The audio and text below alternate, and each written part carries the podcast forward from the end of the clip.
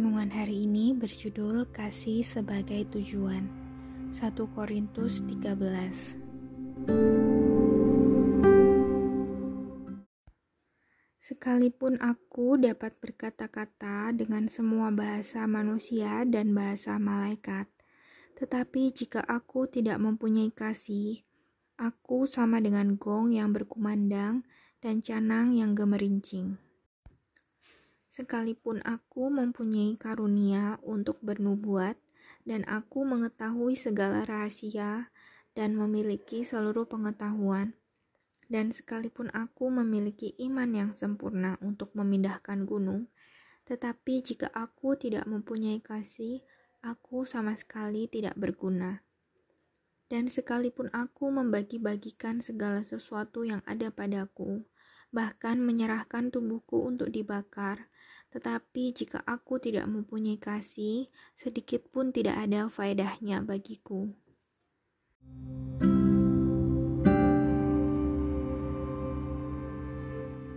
Kasih itu sabar, kasih itu murah hati, ia tidak cemburu, ia tidak memegahkan diri dan tidak sombong. Ia tidak melakukan yang tidak sopan dan tidak mencari keuntungan sendiri. Ia tidak pemarah dan tidak menyimpan kesalahan orang lain. Ia tidak bersuka cita karena ketidakadilan, tetapi karena kebenaran. Ia menutupi segala sesuatu, percaya segala sesuatu, mengharapkan segala sesuatu, sabar menanggung segala sesuatu.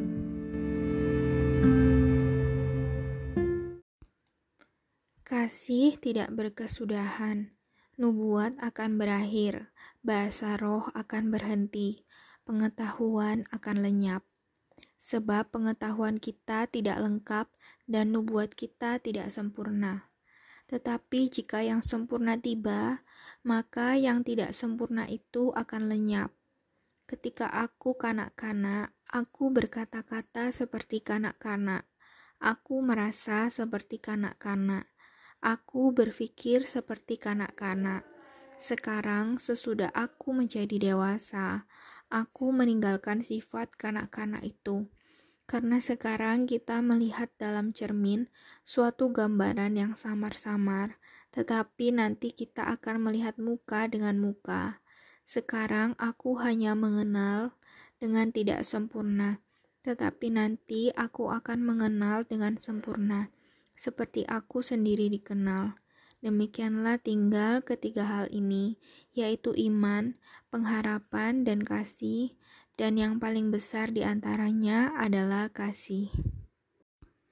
Ketika saya beranjak remaja, ibu mulai terbuka tentang banyak hal, termasuk pergumulan di tempat kerja.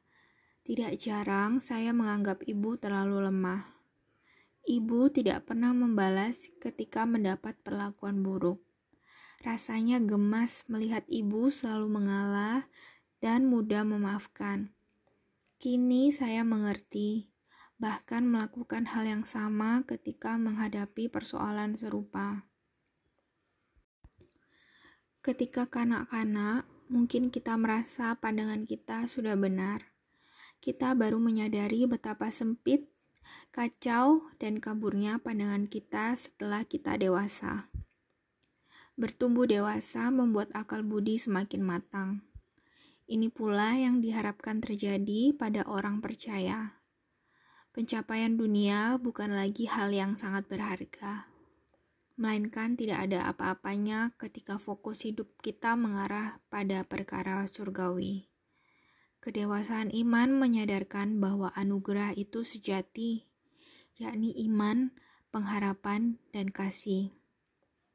Jauh lebih unggul dari karunia rohani apa pun yang ada. Sebagai yang utama, kasih menjadi tujuan, sementara iman dan pengharapan menjadi sarananya.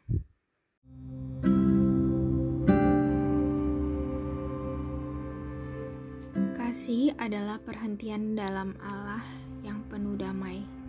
Kasih berlangsung terus, bahkan ketika iman dan pengharapan sudah tidak diperlukan.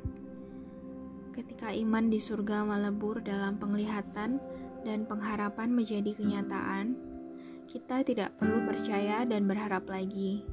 Namun, kasih akan tetap ada di dalam kesempurnaan Allah. Bukankah Allah sendiri adalah kasih?